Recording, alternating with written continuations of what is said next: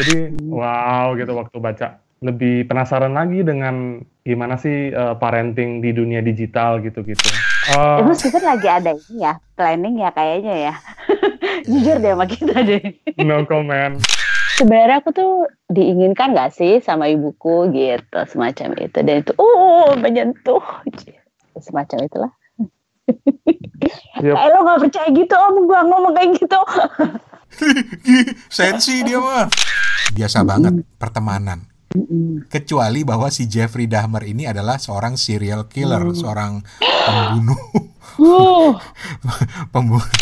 Bahagia itu memiliki istri cukup satu gitu ya. Nah, kalau memiliki istri lebih dari satu, wah tanya Bang Rane itu.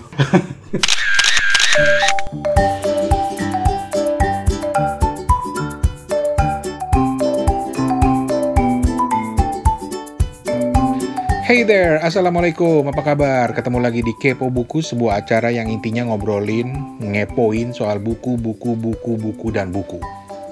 Nah, episode kali ini kita akan share beberapa buku yang pernah dibaca dan direkomendasikan oleh para host Kepo Buku dan juga ada satu buku rekomendasi seorang teman baik di Pontianak. Jadi langsung aja, pokoknya episode ini bertaburan buku. Siapa aja yang tertarik mau ikutan juga bisa. Nanti caranya gimana kita jelasin di belakang. Uh, tentu saja masih bareng gua Rane Hafid di Bangkok yang saat rekam ini lagi di Jakarta. Terus Opat di Jakarta juga. Nggak sempat ketemuan ya, Pat? Minta ditraktir steak dia. Sabar, ntar juga ketemu Pat.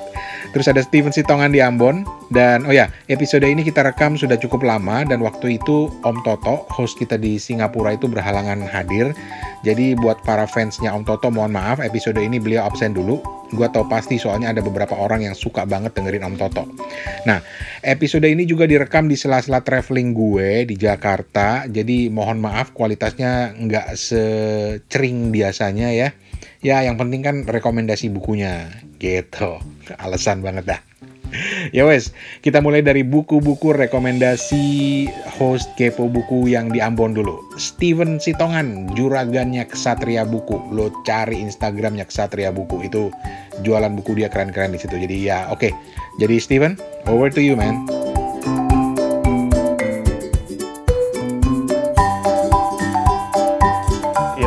Tiga buku yang bisa direkomendasikan ke pendengar kepo buku ini okay. ada daftar satu-satu Steven enggak ini aku sebut cepat aja okay. soalnya ini judul dari eh, buku-buku uh, seni fiksi yang di dimasukkan dalam daftar toko seni kemarin Tempo majalah Tempo kemarin bang yang pertama yang menang toko seni dalam bentuk prosa itu ada buku Jingga judulnya buku Jingga dari Nirwan Dewanto Terus hmm. dua lagi yang direkomendasikan tuh sudah pasti adalah Kura-kura berjanggut dari Asari Ayub dan yang ketiga yang mungkin nggak disangka-sangka adalah Menolak Ayah dari Asadi Siregar. Wow. Al Yogyakarta. Bang Asadi. Menolak Ayah. Iya. Jadi orang-orang yang pengen tahu um, tentang etnologi Batak, terus pengen tahu cerita yang melatar belakangi kenapa di ini menolak ayah tuh bisa bisa kepoin buku ini. Aku juga jadi tertarik nih pengen bisa baca tahun ini. Selain bacain Hadini di tahun 2019. Oke. Okay. Menolak ayah. Oke. Okay. Terus buku yang terakhir lu baca dan mungkin bisa di-share ke teman-teman apa Pit? Uh, uh, Steven? Uh, ini Little Wisdom. Little Wisdom nih lumayan bagus Little Wisdom ini ditulis oleh Reti Oktania. Bisa dicek di Instagram beliau.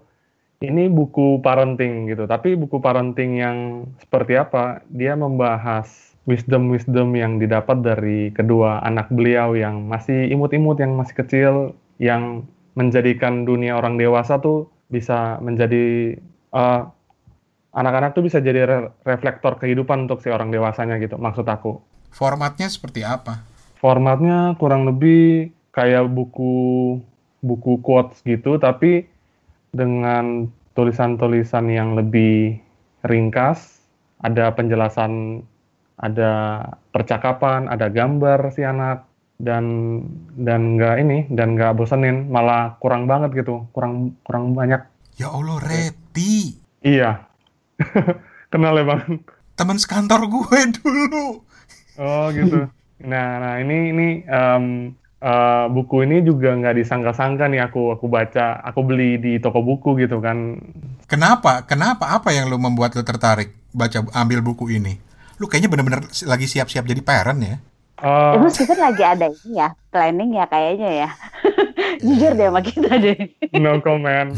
No comment. tapi tapi di di di sampul bukunya itu yang bikin penasaran, yang bikin akhirnya bisa kayaknya ini bukunya bagus deh gitu. Buku Little Wisdom. Tapi emang Steven kan sukanya gitu tuh yang wisdom wisdoman. Uh, enggak enggak ini ini ini um, parenting dari kacamata seorang anak memang ininya nggak terlalu menarik ya sampulnya ya. Tapi kayak kayak waktu aja gitu waktunya udah ngepas untuk beli buku ini kali ya. Karena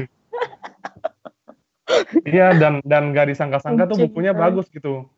Uh, it's okay mama. Uh, it's okay mama. People make mistakes and that's okay. Jadi kayak gini salah satu bagian yang aku inget ya. Um, hmm. si ibunya nih bikin kesalahan gitu. Terus anaknya hmm. bilang kayak gini nggak um, apa-apa mama. Aku maafin kok. Soalnya kalau seseorang itu bikin salah ataupun bikin sebuah pelanggaran mungkin ya di mata si anak ini dia bilang kayak gini mungkin saja itu terjadi karena dua hal. Pertama mungkin aja dia lupa. Dia lupa bikin yang benar gitu. Yang kedua itu ya, karena dia nggak tahu sesimpel itu loh dunia anak-anak gitu ya. Jadi hmm. wow gitu waktu baca. Dan ketika kepoin Instagramnya mbak penulisnya ini jadi uh, lebih lebih apa ya lebih lebih penasaran lagi dengan gimana sih uh, parenting di dunia digital gitu-gitu. Mm-hmm. Iya, buku Little Wisdom. Tapi yep. Little Wisdom. Dan menariknya adalah karena memang kita ini kalau ngomong buku parenting, kadang-kadang kita itu kan lebih dari sisi gue parent, gue mau share pengalaman gue sebagai parent Asam ke lo, uh, sesama parent atau future parent seperti Steven dan Opat misalnya. Yep. seperti ini loh parenting tetapi yang dilakukan oleh Reti, koreksi gue kalau salah ya Steven ya, karena gue baru baca blurbnya aja nih, bahwa dia justru belajar dari anak, belajar dari kebijakan anak yang masih lugu, sudut pandangnya itu masih sangat bersih, belum ternodai iya. gitu kan. Tapi justru banyak uh, wisdom-wisdom yang kita pelajari dari mm. dari situ. Dan ntar gue coba kontak uh, Mbak Reti ini. Ini memang dia sangat sangat punya kepedulian pada uh, pendidikan anak sih, terutama anak pendidikan usia dini. Hmm. Oke. Okay. Oke, okay, thank you yep. Stephen. Sekarang kita ke Opa. Udah inget belum buku lupa? Ya, ya. Jadi uh, reko novel rekomendasi sebagai yeah. anak muda yang kekinian yang harus dibaca adalah bukunya pengarangnya namanya Gloria Chow. Judulnya American Panda atau si Panda Amerika. Kalau dari gini kira-kira Om Rane kepikirannya apa kalau aku bilang American Panda? Tentang panda yang ada di kebun binatang di Amerika. Gue hanya menggunakan imajinasi gue aja sih. kalau Steven udah pernah dengar-dengar selentingannya belum atau gimana? Sama sekali belum, sama sekali belum. Hmm, ini pada lagi hot di grup kita loh, ketahuan banget ya dia nggak pernah baca grup. Iya, baiklah. Iya, jadi si American Panda ini hmm, penulisnya adalah Gloria Chow. Si Gloria Chow ini uh, uh, apa sih ya Taiwan American ya atau Chinese hmm. American lah disebutnya. Nah, aku mengeneralis mengeneralisasikan saja sih. Biasanya kalau Asian American gitu nantinya tokoh novelnya juga Asian American gitu dan memang tokohnya itu cewek 17 tahun. Jadi dia sekolahnya ada uh, kecepatan, jadi dia 17 tahun udah masuk MIT. Iya, Gitu, udah masuk. Apa sih kalau masuk kampus itu kan nggak langsung jurusan ya kalau di Amerika ya, ada hmm. pri prinya lah itu.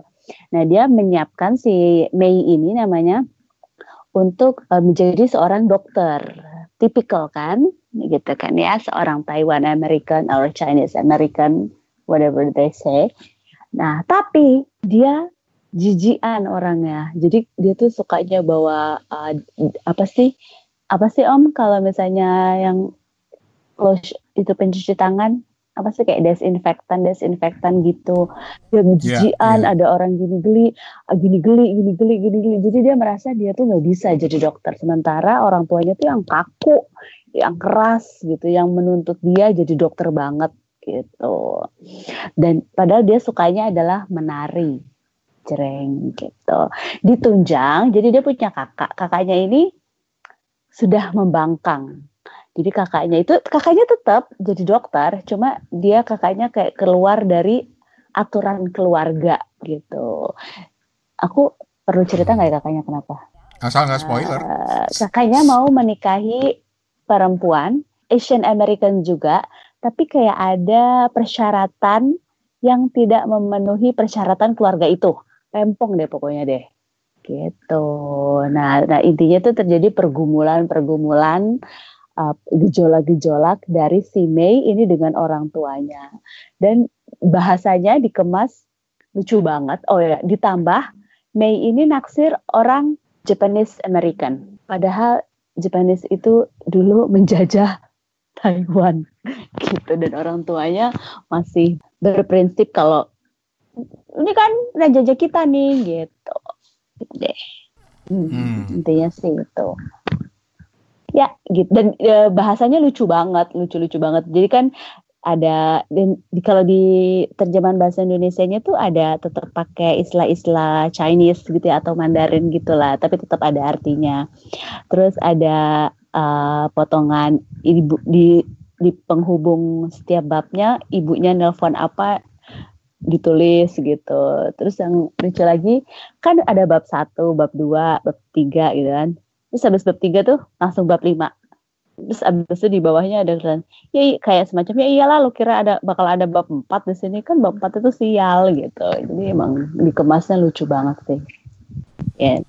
Dan segmennya ini adalah untuk segmen-segmen muda. Iya, ya? segmennya muda sih. Menyenangkan. Aku tadinya kayak hmm, uh, aku berusaha untuk menyukai, tapi kemudian kayak di tengah-tengah tuh kayak apa sih apa sih, tapi ternyata di ending tuh memang menyenangkan juga gitu. Ya. Oke, okay. penilaian lo terhadap buku ini? Aku ngasihnya tiga dari lima. Sebab? Uh, walaupun temanya umum tentang perhela, per, perhelatan budaya gitu ya, aku suka. Jadi ada bagian pembicaraan ibu dan anaknya gitu. Aku kan agak-agak sensitif ya kalau pembicaraan ibu dan anak.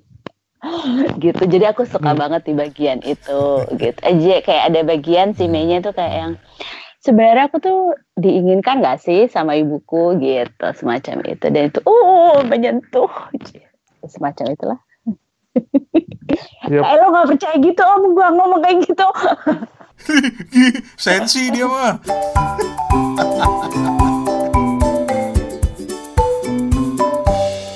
Oke, itu tadi buku yang udah dibaca sama Opat, judulnya American Panda, karya Gloria Chow, C-H-A-O ya, bukan C-H-O-W, tapi C-H-A-O, Gloria Chow. Dan buku ini sudah dialih bahasakan oleh Gramedia Pustaka Utama dengan judul Si Panda Amerika. Hmm, oke. Okay. Sekarang lanjut lagi, giliran gue. Uh, gue belakangan ini lagi seneng baca-baca buku graphic novel lagi. Setelah sekian lama gue berhenti membaca karena kehabisan buku dan gue nggak mau bukan nggak mau tahu nggak tahu harus nyari di mana lagi gitu. Sampai kemudian menemukan beberapa aplikasi dan juga sempat main ke beberapa toko buku. Dan kali ini ada graphic novel karya komikus Amerika John Backdurf ini udah buku yang cukup lama sih tapi baru gue baca. 2019 hmm. Entah kenapa di awal-awal gue tertarik banyak pada grafik novel. Hmm. Misalnya gue baca ulang Palestine, okay. yang jadi buku buat tantangan buat si Toto gitu ya. Terus juga ya yang kayak gue ceritain waktu itu gue baca Smile oleh Raina Delgemeyer ya kan, uh, yang sifatnya lebih kepada uh, cerita tentang anak-anak remaja, tapi tertarik karena itu buku pemenang Will Eisner Award. Yep. Terus gue baru-baru ini main ke toko buku bekas di Bangkok namanya Dasa Books. Hmm. Dasa Books itu gila toko buku tiga lantai buku bekas mayoritas bahasa Inggris. Hmm. Itu di, di Thailand yang hurufnya keriting itu seolah-olah jadi oase gitu loh. Karena gue jarang ketemu buku-buku bahasa Inggris apalagi yang second. Hmm. Nah, ketika gue naik ke lantai tiga, di situ gue ketemu banyak grafik novel. Dan akhirnya gue pulang dengan utang di kartu kredit gue. Ada dua yang gue beli. Yang pertama itu judulnya uh, My Friend Dahmer. Ini buku lama buku tahun 2000 awal lah 2011 atau 2012 gitu. Uh, dan ini ada benang merahnya dengan Palestine dengan Smile yang gue baca. Tiga-tiganya bersifat autobiografis. Jadi dia bercerita tentang uh, sosok uh, komikus yang namanya John Backdurf atau nicknamenya Durf di masa dia remaja yang berteman dengan seseorang bernama Jeffrey Dahmer. Mm. Biasa kan? Biasa mm. banget pertemanan. Mm. Kecuali bahwa si Jeffrey Dahmer ini adalah seorang serial killer, mm. seorang pembunuh. Pembunuh gitu. Nah, Uh, di situ diceritain gitu loh persahabatan dia dengan Jeffrey Dah Dahmer gitu kan waktu dia masih di junior high itu SMP ya. Kemudian juga mengikuti cerita si Dahmer dari dia usia itu ke depannya gitu loh. E, bagaimana misalnya dia melakukan tindakan kejahatannya gitu. Anak usia segitu kemudian sudah kecanduan minuman keras misalnya. Kemudian juga e, punya kelainan dalam sikap-sikapnya aneh gitu ya.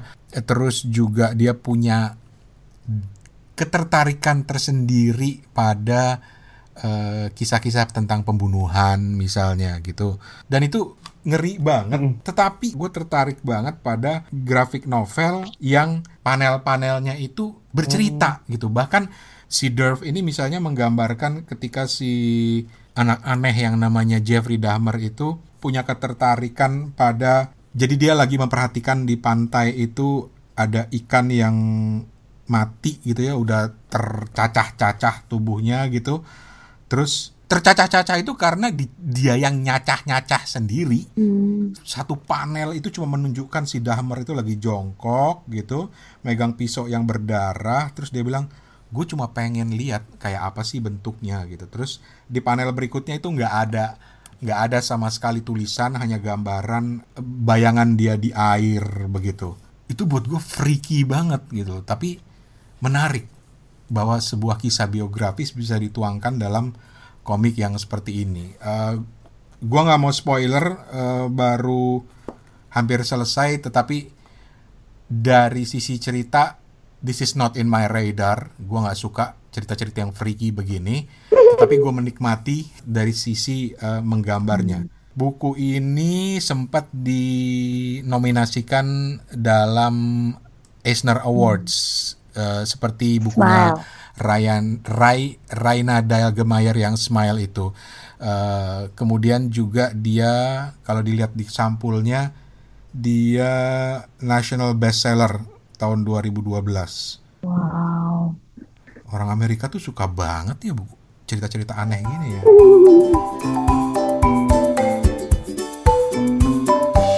Ya, itu tadi review gue dari My Friend Dahmer, sebuah novel grafis ya, karya John Backdurf.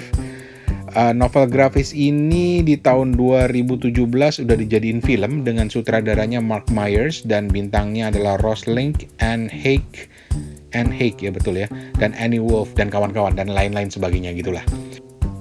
Nah selanjutnya di sela-sela rekaman kepo buku, dua adik-adikku yang manis-manis ini Steven Sitongan di Ambon dan Opat di Jakarta itu sempat uh, ngerumpiin sebuah buku kumpulan cerpen yang belakangan gue tahu adalah karya Raymond Clevey Carver Jr., seorang cerpenis dan penyair kondang Amerika. Nah ini ini yang gue suka dari kepo buku. Bahkan gua yang salah satu hostnya aja dapat banyak manfaat langsung karena meskipun Carver ini misalnya adalah cerpenis kondang Amerika yang banyak mempengaruhi penulisan cerpen di Amerika tahun 80-an, gua jujur baru tahu dan akhirnya ya gua beli kumpulan cerpennya yang ternyata cuy ngetop banget ketinggalan banget gue. Jadi kita dengerin aja uh, mereka berdua ngerumpiin buku ini yang sebenarnya ya, sebenarnya mereka nggak nyadar kalau ini masih gua rekam. Karena ini obrolan terjadi setelah kita selesai rekaman gitu. Tapi mereka nggak nyadar kalau ini gua rekam. Jadi asal tahu aja kepo buku ini apa adanya. Ngobrol apa adanya seperti apa adanya tanpa harus ada skenario dan lain sebagainya dan lo semua bisa ikutan dong tanpa harus mikir gimana ya cara ngomongnya bang uh, gua nggak bisa ngomong yang rapi tertata gitu lu dengerin aja obrolan mereka nanti gitu ya ini bener-bener ya seperti inilah suasana rekaman kepo buku gitu Nanti cara ikut ngirimnya nanti kita akan jelasin di belakang. Tapi sekarang kita dengerin aja rekaman mereka berdua lagi ngobrol ini yang mereka nggak tahu ini udah udah gua rekam. Jadi ya surprise Steven, surprise opat. Bapak udah baca What We Talk About When We Talk About Love yang kemarin ditayangin tuh udah baca selesai? Belum, belum. Gak tau kenapa ya aku aku ngantuk banget baca itu. Maksudnya ini kan What We Talk What We Talk When We Talk About Love ini kan uh, kalau aku bisa men, walaupun aku belum baca semuanya ya mm-hmm. deskripsi hmm. aku adalah ini tuh kalau benar-benar buku yang akan what I talk when I talk about love. Apa sih geli? Bang Rani udah baca lu, ngomong, lu ngomongin buku apa sih? Buku siapa sih? Raymond. Ah, bukunya Raymond Carver. Uh, uh. What we talk when we talk, uh, what we talk about when we talk about love. What itu we yang talk when we talk about ini love. itu om yang menginspirasi judulnya si Murakami What we talk about when we talk about running. Oh. Nah, si buku ini, ini judulnya What We Talk About When We Talk About Love gitu. Gitu. Jadi bener-bener gitu deh. ini tuh kayak kumpulan cerpen gitu, kumpulan cerpen. Anything yang yang mempengaruhi Murakami gue baca. Tahun 1981. Oh, Raymond Carver. Jadi baru okay. selesai berapa cerpen, Mbak Opat? baru lima lah ya. Lima tuh udah setengah jalan. Belum, kan ada, bentar aku hitungin, tuh, Waga Patma. Tujuh belas. Iya. Itu pada cerpennya pendek-pendek banget dan halamannya itu tipis banget. Coba gak tahu aku kayak keserap energinya gitu kalau lagi baca ini. Hmm. ngantuk banget gitu. Di di cerita pertamanya dia kan kalau nggak salah ingat itu settingannya dia lagi ketemu orang yang jual sofa ya kalau nggak salah ya. Iya betul, itu aku suka banget. nah aku kan aku beli beli bukunya Raymond Carver ini di hmm. beberapa tahun yang lalu tapi versi manuskrip aslinya ini mbak judulnya wow. jadi judulnya beginners kalau nggak salah beginners ya oh iya jadi iya, manuskrip iya. asli dari kumcer iya, kumcer iya. kumcer ini jadi um, di kesan awal membacanya itu jadi uh, semua semua ceritanya kan kayak nggak diedit tuh itu ya, betul, dari betul. dari bukunya beginners itu katanya tuh setelah jadi karya akhir web we talk itu itu diedit dua kali atau gimana gitu sampai benar-benar ringkas benar-benar padat dan di di beginners itu diceritakan kayak uh, panjang lebar cerita awalnya hmm. dan aku kayak kayak stuck aja gitu di cerita pertama gitu jadi nggak nggak lanjut lanjut sampai sekarang gitu uh. saking saking deknya gitu saking mungkin apa ya kayak nggak bisa nggak bisa memamah cerita si penulis gitu Raymond Carvernya. Kalau aku percaya misalnya ya, uh, ini ungkapannya siapa sih aku lupa. Sebenarnya menulis apa sih novel atau cerita itu mis ya kadang-kadang nggak perlu dimengerti sih gitu. Hmm. Cukup dirasakan. Menulis atau membaca? Membaca, membaca maksudnya. Maksudnya membaca tulisan sebuah novel tuh nggak perlu ya udah dirasakan aja Karena okay. aku selalu berprinsip, hmm, aku kan walaupun eh, nggak uh, buka aku bukan kutu buku ya, bukan bukan sangat kutu buku. Aku selalu bilang itu I take book seriously dan I feel them sincere, sincerely itu aja. Geli banget gue ngomongnya. Bahasa Indonesia apa mbak? apa ya Om bahasa Indonesia-nya? Aku menganggap buku serius. Mm -hmm. I feel them tapi... sincerely juga nggak nggak jadi aku nggak hanya menganggap uh, menganggap serius suatu buku tapi aku merasakannya juga geli eh tapi rewind dikit rewind dikit tadi lu bilang apa lu membaca buku ada kata satu kata yang aduh lu bilang apa sih tadi lu membaca buku merasakan nggak perlu dimengerti merasakan ah merasakan itu yang sebenarnya pengen gue bilang ketika gue komentar soal bukunya Murakami. Iya iya iya itu. Waktu itu gue bilang kan, gue yeah. cuma ingin menikmati yeah. nuansanya. Tapi rupanya kata yang lebih tepat, eh, kata yang lebih tepat keluar dari opat yaitu merasakan. Ya gitu, gitu. Dan itulah yang juga gue rasakan ketika misalnya gue membaca buku-bukunya Umar Kaya. Iya betul betul. Iya nggak? Aku uh, NH Dini. Oh. Karena mereka itu penulis yang jago banget menciptakan bukan hanya cerita tapi nuansa, suasana. Hmm. Sama dengan Pramudia Anantatur yang membuat gue seolah-olah mendengar suara kereta kuda yang dinaiki oleh Mince menuju rumahnya Nyai Ontosoroh gitu loh. Mungkin lebay kedengarannya, tapi itulah kekuatan buku yang Iori waktu itu bilang ah, ya. melibatkan semua indera.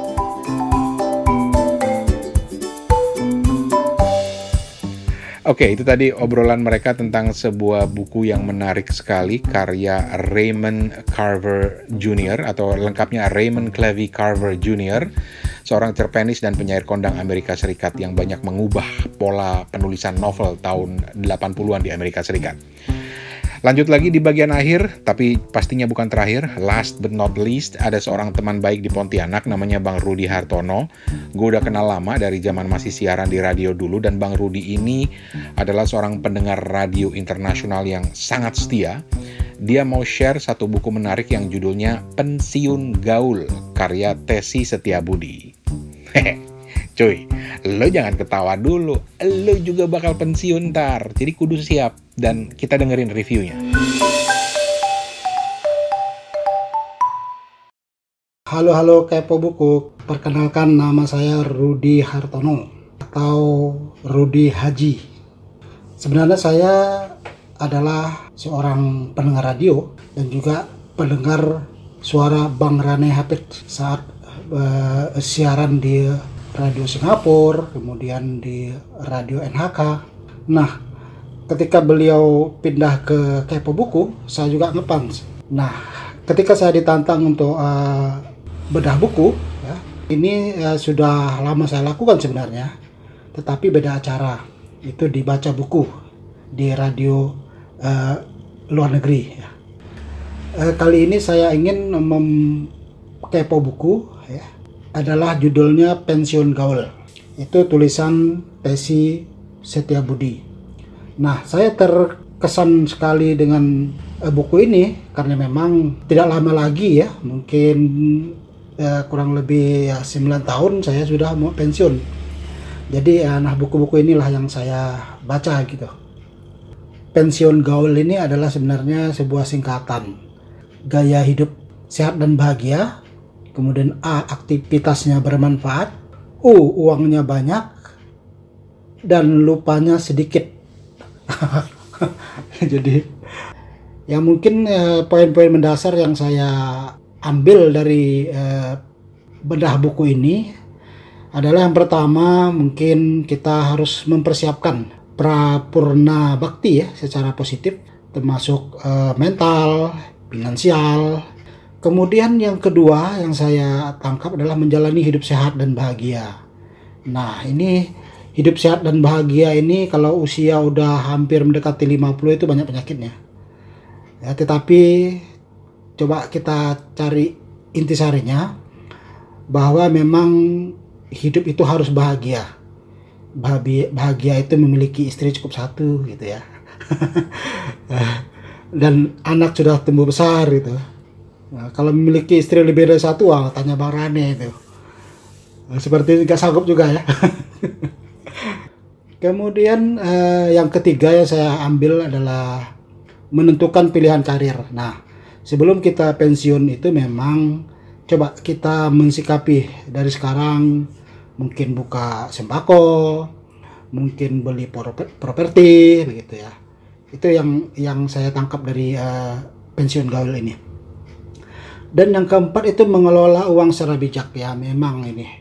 Kalau masalah mengelola uang ini kita ya memang harus bijak.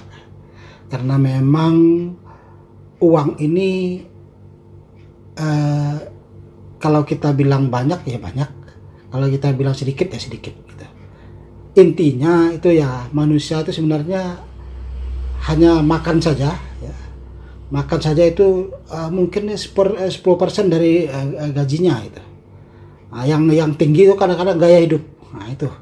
Nah di sinilah kita coba diajarkan untuk mengelola uang secara bijak ini.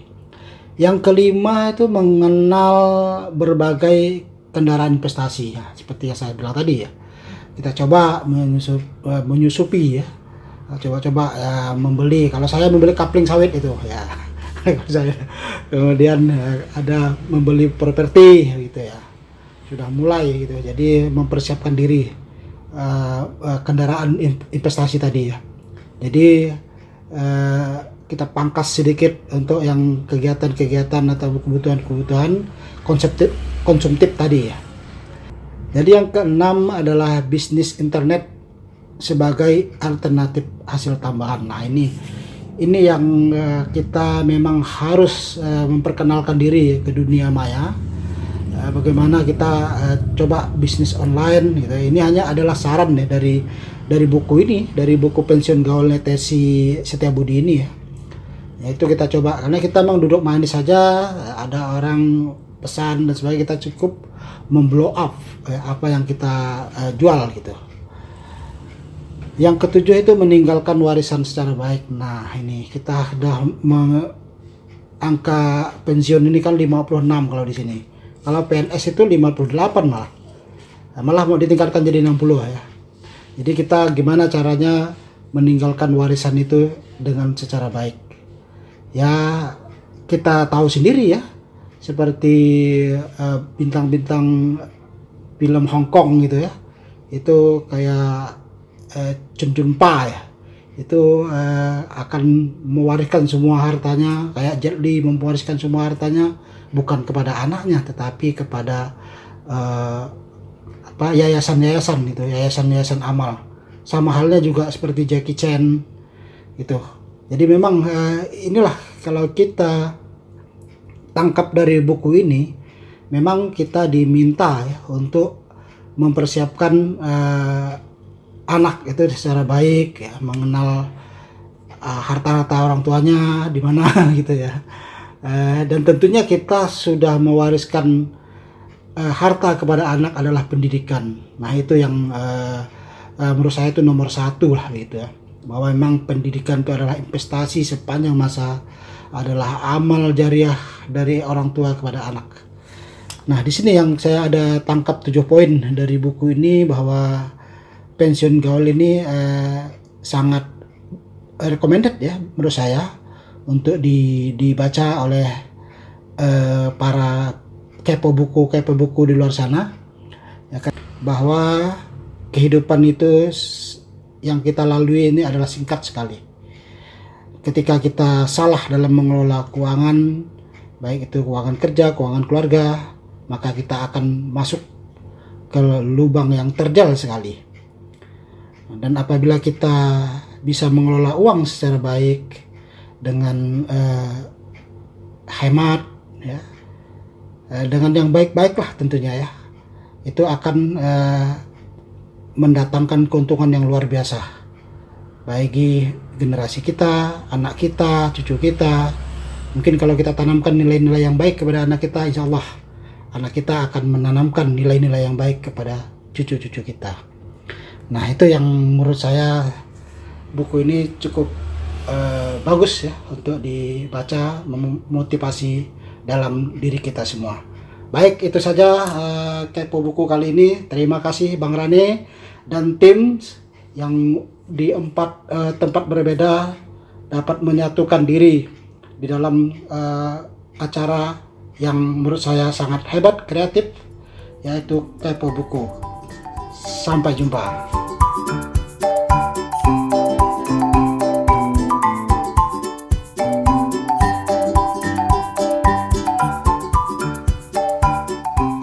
Itu tadi Bang Rudi Hartono dengan review bukunya Pensiun Gaul karya Tesi Setia Budi. Uh, buku ini diterbitkan oleh Gramedia Pustaka Utama. Dan Bang Rudi ini meskipun masih 9 tahun lagi pensiun cuy, masih 9 tahun, masih lama.